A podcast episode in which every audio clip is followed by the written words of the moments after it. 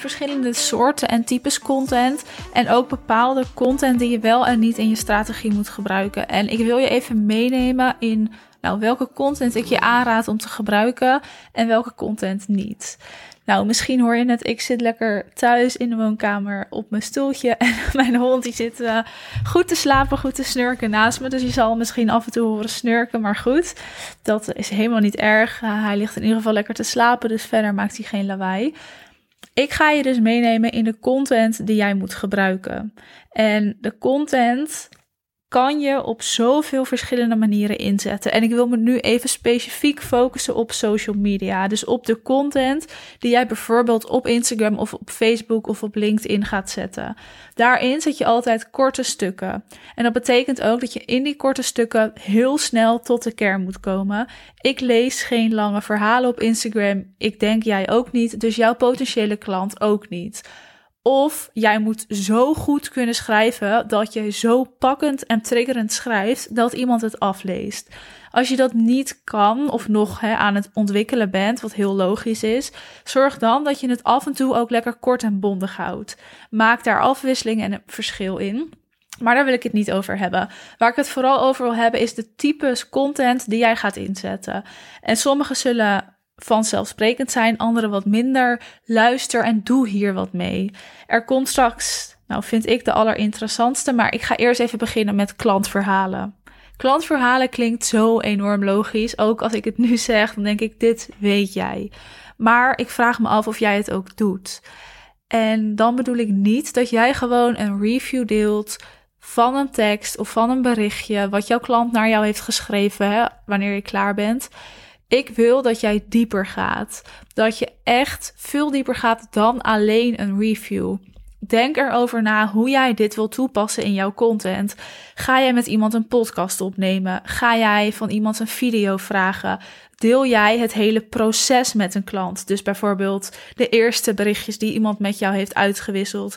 Daarna halverwege wat berichten en daarna het eind, zodat jouw potentiële klanten ook echt het hele proces zien wat jouw klant heeft afgelegd. Zorg dat je hier dieper in gaat.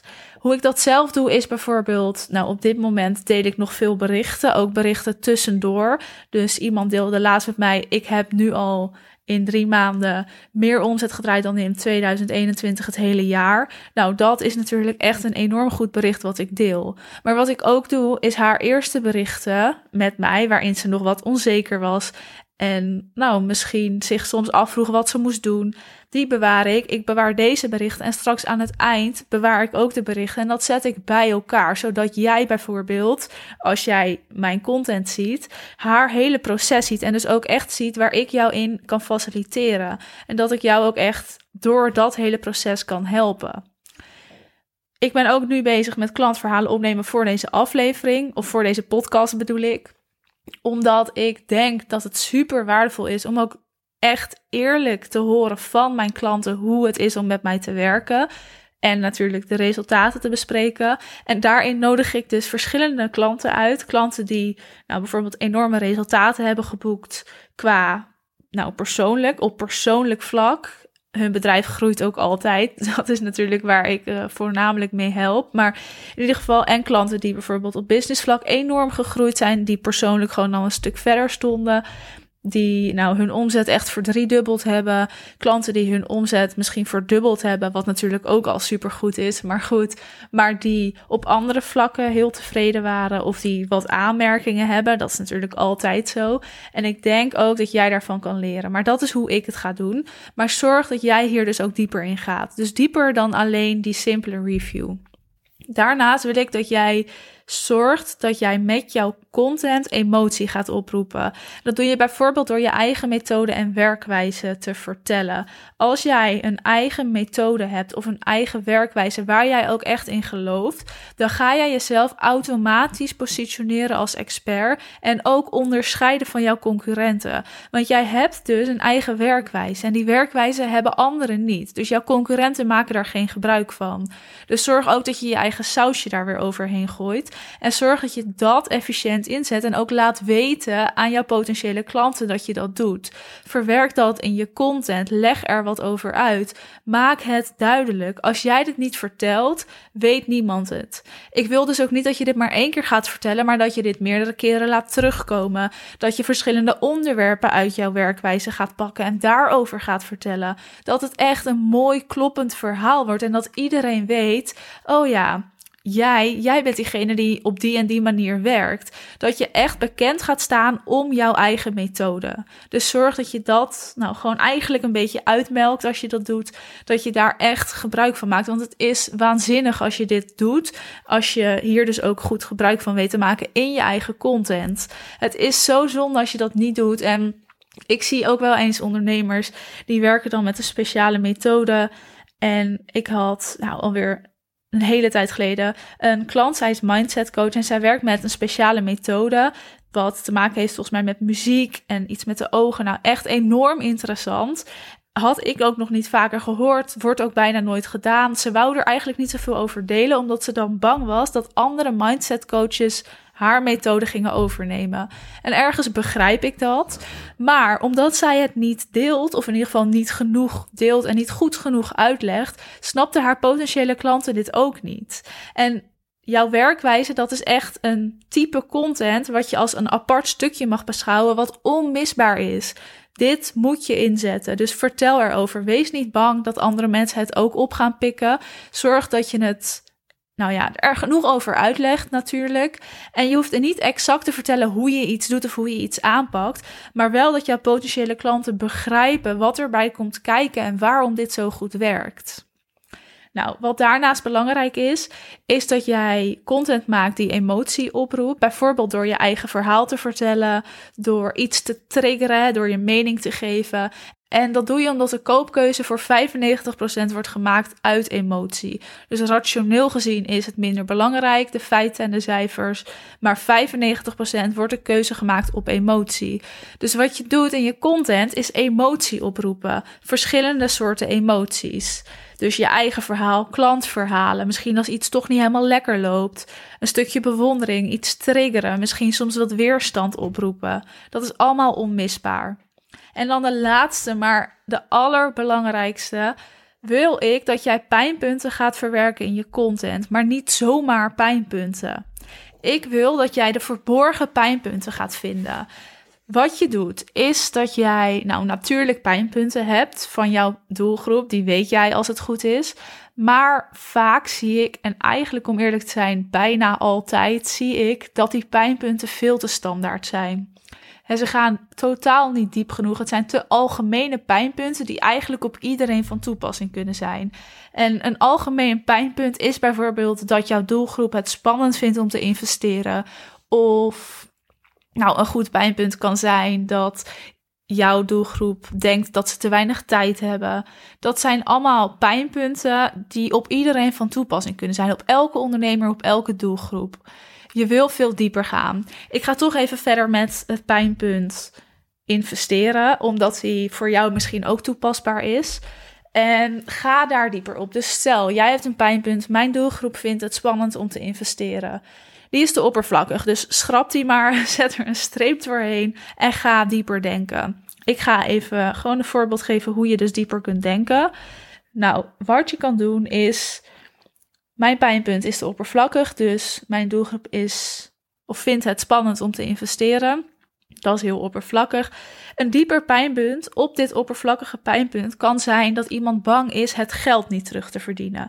Dus bang is het geld kwijt te zijn en de investering die ze hebben gemaakt niet terug te kunnen verdienen. Maar daarop kan je weer een dieper pijnpunt zoeken. Want dit pijnpunt is eigenlijk nog steeds te oppervlakkig. Een nog dieper pijnpunt kan zijn dat iemand een angst heeft om te falen. Dus een, die angst om te falen zit veel dieper. Die gaat veel verder. Die komt ergens vandaan. En als dat bijvoorbeeld de angst is, dus dat het pijnpunt is, dan kun je met zo iemand in gesprek gaan. En dan kun je vragen waar dat vandaan komt. Je kan bijvoorbeeld vragen: had je vroeger strenge ouders of verwachten je ouders veel van je? Heb je prestatiedrang? Wil je graag goed kunnen presteren? Ben je streng voor jezelf?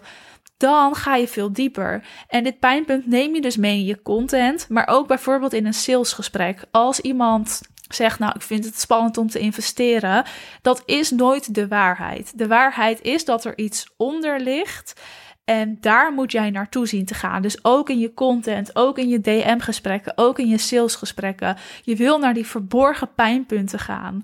Want daar kun je pas wat mee. En daar kun je dan ook echt over in gesprek gaan met iemand. Dus probeer die verborgen pijnpunten voor jezelf te gaan zoeken. Bij elk pijnpunt wat jij tot zover hebt opgeschreven, ga daar nog een keer naar terug. En ga bij jezelf afvragen wat is het verborgen pijnpunt? Wat zit hieronder? Dus vraag je dat je drie of vier keer af. Wat zit er onder dit pijnpunt bij mijn doelgroep? Desnoods ga je in gesprek met je doelgroep of met je huidige klanten. Dat is misschien iets makkelijker en dat voelt wat vertrouwder. Ga eens met je huidige klanten in gesprek en vraag aan hen: hey, jij zei dit en dit, of ik zie bij mijn klanten vaak dit en dit wat zit daarachter? En vraag dan natuurlijk ook zelf dieper door, zodat je achter die verborgen pijnpunten komt. Want die verwerken in je content, dat is echt onmisbaar. Wat ik dus heb benoemd is dat je klantverhalen moet gaan vertellen, maar dan veel dieper gaan. Zorg dat je mensen door die klantverhalen kan meenemen in een proces. Maak video's met iemand, neem een podcast op of een korte spraakmemo. Zorg dat het lekker visueel wordt, dat het nou niet tastbaar, want online is niet per se tastbaar, maar wel dat mensen het echt gaan voelen emotionele content. Die koopkeuze wordt voor 95% gemaakt uit emotie. Dus deel je eigen verhaal, roep bewondering op. Zorg dat je triggert of soms wat weerstand gaat oproepen. Dat is goed, want als iemand bijvoorbeeld, jouw potentiële klanten dus ook, wat weerstand gaan voelen... En daarna kun jij dat weer tackelen. Dan krijg je dus zo'n ja, yo-yo effect, waardoor mensen veel bewuster ook naar jouw aanbod kunnen kijken. En vervolgens zei ik dus die pijnpunten, maar dan echt de verborgen pijnpunten. Dus niet die oppervlakkige pijnpunten, maar ga dieper. En ik gaf net dus een goed voorbeeld. Misschien kan ik nog een voorbeeld geven. Nou, een voorbeeld van bijvoorbeeld. Nou, iemand bij de um, Business Booster gaf een voorbeeld. Dus ik ga haar voorbeeld even stelen. Het is voorbeeld van Lotte, dus ik geef haar alle credit. Zij zei: Stel je bent interieurstylist dan kan het zijn dat jij denkt dat een pijnpunt is van jouw potentiële klant dat de kleuren in iemands huis niet goed matchen. dus, dus de kleuren matchen niet en het ziet er niet zo lekker uit. Het, ja, voelt niet zo fijn. Dat kan een pijnpunt zijn, maar dat is best een oppervlakkig pijnpunt. Een veel dieper pijnpunt kan zijn dat iemand zich eigenlijk gewoon niet thuis voelt in hun eigen huis. En die zit natuurlijk veel dieper, die voelt iemand veel meer. En als je daarop inspeelt in je content, ga je zoveel meer bereiken dan als je zegt, nou, je kleuren matchen niet en ik kan je daarmee helpen. Nee, voel jij je niet thuis in je huis? Nou, voel maar als ik dat zo zeg, wat voor verschil dat al is. Dus dat is bijvoorbeeld een voorbeeld van een oppervlakkig pijnpunt en een verborgen pijnpunt.